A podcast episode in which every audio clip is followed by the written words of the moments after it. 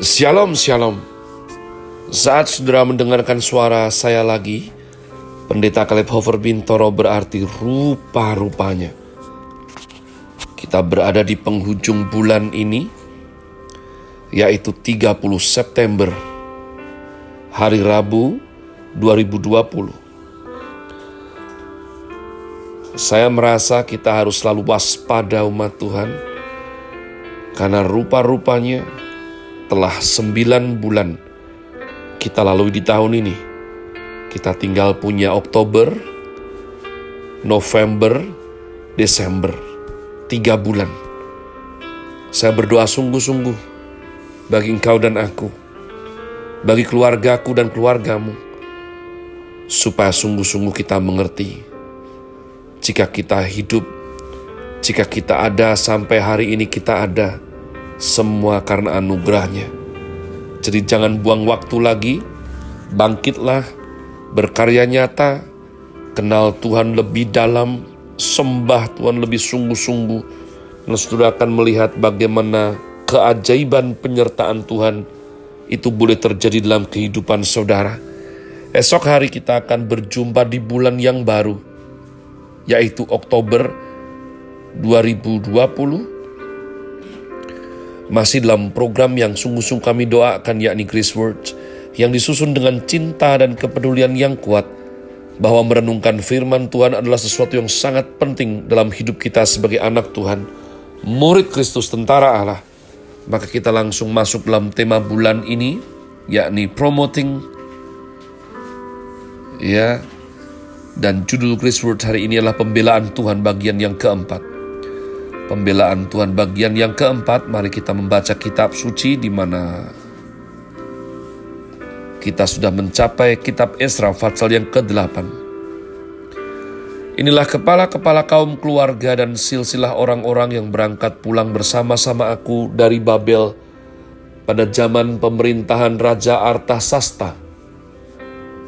Dari Bani Pinehas, Gersom, dari Bani Itamar, Daniel, dari Bani Daud, Hatus, bin Sekanya dari Bani Paros, Zakaria, dan bersama-sama dia 150 orang laki-laki tercatat dalam silsilah. Dari Bani Pahat Moab, Yonai bin Serahya, dan bersama-sama dia 200 orang laki-laki. Dari Bani Zatu, Sekanya bin Yahaziel, dan bersama-sama dia 300 orang laki-laki dan dari Bani Adin, Ebed bin Yonatan, dan bersama-sama dia 50 orang laki-laki. Dari Bani Elam, Yesaya bin Atalia, dan bersama-sama dia 70 orang laki-laki. Dan dari Bani Sefaka, Zebaza bin Mikael, dan bersama-sama dia 80 orang laki-laki. Dan dari Bani Yoab, Obaja bin Yehiel, dan bersama-sama dia 218 orang laki-laki, dan dari Bani Bani Selomit bin Yosifya dan bersama-sama dia 160 orang laki-laki. Dan dari Bani Bebai, Zakaria bin Bebai dan bersama-sama dia 28 orang laki-laki. Dan dari Bani Asgad, Yohanan bin Hakatan dan bersama-sama dia 110 orang laki-laki. Dan dari Bani Adonikam yang datang kemudian, dan inilah nama mereka, Elivelet Yehiel dan Semaya, dan bersama-sama mereka 60 orang laki-laki. Dan dari Bani Bigwai, Utai, dan Zabud, dan bersama-sama dia 70 orang laki-laki. Aku menghimpunkan mereka dekat sungai yang mengalir ke Ahawa, dan di sana kami berkemah tiga hari lamanya. Ketika aku selidiki mereka, ternyata ada orang-orang Israel awam dan imam-imam, tetapi tidak kudapati di antara mereka orang-orang dari Bani Lewi. Sebab itu aku mengirim Eliezer, Ariel Semaya, El Nathan, Yarib, El Nathan, Nathan, Zakaria, Mesulam, yakni kepala-kepala kaum keluarga, dan Yoyarib dan Elnatan, yakni pengajar-pengajar. Dengan suatu pesan untuk Ido, kepala setempat di Kasifya, Aku menaruh perkataan-perkataan ke dalam mulut mereka untuk dikatakan kepada Ido dan saudara-saudaranya, para budak di bait Allah di Kasif yaitu, supaya mereka mendatangkan kepada kami orang-orang yang harus menyelenggarakan kebaktian di rumah Allah kami. Kemudian karena tangan murah Allah kami itu melindungi kami, didatangkanlah oleh mereka kepada kami orang-orang yang berakal budi dari Bani Mahli, bin Lewi bin Israel, yakni Serebia dengan anak-anak dan saudara-saudaranya, 18 orang.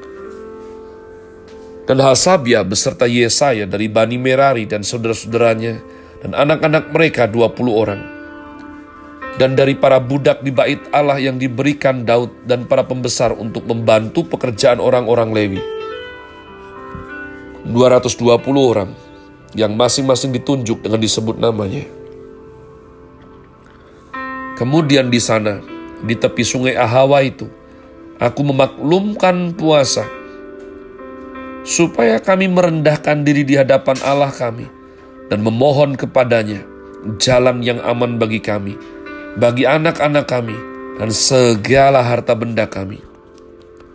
Karena aku malu meminta tentara dan orang-orang berkuda kepada raja untuk mengawal kami terhadap musuh di jalan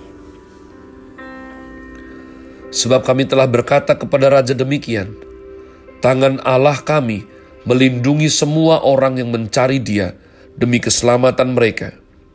Tetapi kuasa murkanya menimpa semua orang yang meninggalkan dia. Jadi berpuasalah kami dan memohonkan hal itu kepada Allah, dan Allah mengabulkan permohonan kami. Lalu aku memilih dua belas orang pemuka imam, yakni Serebia dan Hasabia, dan bersama-sama mereka sepuluh orang dari antara saudara-saudara mereka. Aku menimbang bagi mereka perak, emas, dan perlengkapan-perlengkapan, yakni persembahan-persembahan khusus bagi rumah Allah kami yang dikhususkan oleh Raja, serta penasihat-penasihatnya, dan pembesar-pembesarnya, dan semua orang Israel yang ada di sana. Pula aku menimbang untuk menyerahkan ke tangan mereka perak 650 talenta, perlengkapan perak seharga 100 talenta, emas 100 talenta, 20 piala emas seharga 1000 dirham, dan dua buah perlengkapan daripada tembaga murni yang mengkilat dan indah seperti emas. Dan aku berkata kepada mereka, kamu kudus bagi Tuhan, dan perlengkapan-perlengkapan ini pun kudus, dan perak dan emas ini adalah persembahan sukarela kepada Tuhan, Allah nenek moyangmu. Rawatlah dan jagalah itu, sampai kamu dapat menimbangnya di depan para pemuka imam, serta orang-orang Lewi, dan para pemimpin kaum keluarga orang Israel di Yerusalem, di dalam bilik-bilik rumah Tuhan. Lalu para imam dan orang-orang Lewi menerima perak dan emas dan perlengkapan-perlengkapan yang telah ditimbang itu untuk dibawa ke Yerusalem ke rumah Allah kami. Ayat 31 tiba di Yerusalem. Kemudian berangkatlah kami dari sungai Ahawa pergi ke Yerusalem.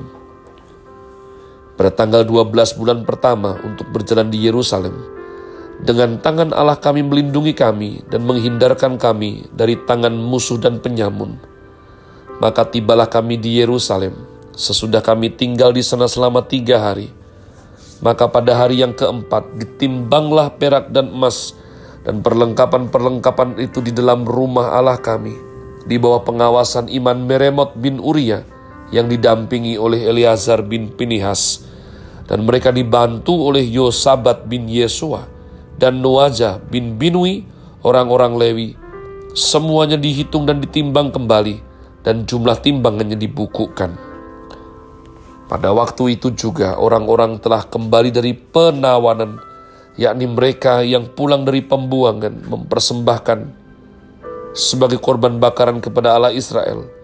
Lembu jantan 12 ekor untuk seluruh Israel, domba jantan 96 ekor, anak domba 77 ekor, kambing jantan sebagai korban penghapus dosa 12 ekor, semuanya itu sebagai korban bakaran bagi Tuhan.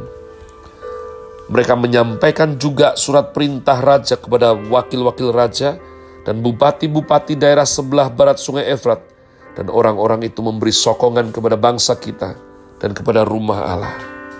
Umat Tuhan sekali lagi, saya meyakini kalau memang Tuhan yang suruh, Tuhan akan memperlengkapi. Banyak orang yang mengaku Tuhan yang suruh, lalu memaksa orang-orang, lalu membuat tidak nyaman, lalu setiap tahun membuat janji iman, Sekali lagi kita belajar melalui kitab Esra pasal yang ke-8 umat Tuhan. Bahkan ketika Esra memimpin suatu rombongan besar ini untuk kembali ke Yerusalem beserta membawa semua emas dan perak yang jumlahnya tidak main-main. Dikatakan mereka mengambil doa puasa. Kenapa? Ayat 22 menjelaskan, Esra malu minta tentara kepada raja sebab sudah buka mulut berkata, "Tangan Allah kami melindungi semua orang mencari Dia demi keselamatan mereka." Jadi, umat Tuhan, bahkan saat itu tidak ada yang mengejek, tidak ada yang berkata buruk, tapi Esra bilang, "Tuhan kami melindungi kami." Tuhan kami berkuasa untuk meluputkan kami dari musuh kami di sepanjang jalan yang kami lalui. Kalau saudara mengikuti pembacaan kitab Esra, ada pihak-pihak tertentu yang tidak ingin. Mereka melanjutkan pembangunan bait suci Tuhan di Yerusalem. Bahkan ketika raja sudah berfatwa mengeluarkan langsung instruksi presiden, maksud saya instruksi raja pada zaman itu. Tuhan adalah perlindungan yang sempurna bagi mereka. Saya berdoa sungguh-sungguh, Ma Tuhan.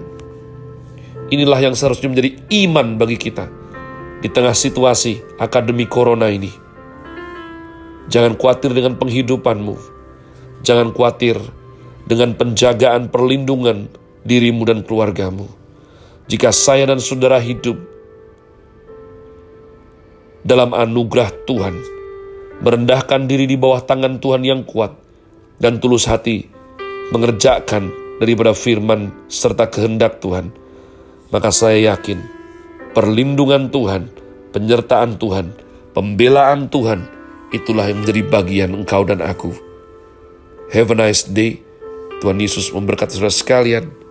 Sola. Grazie.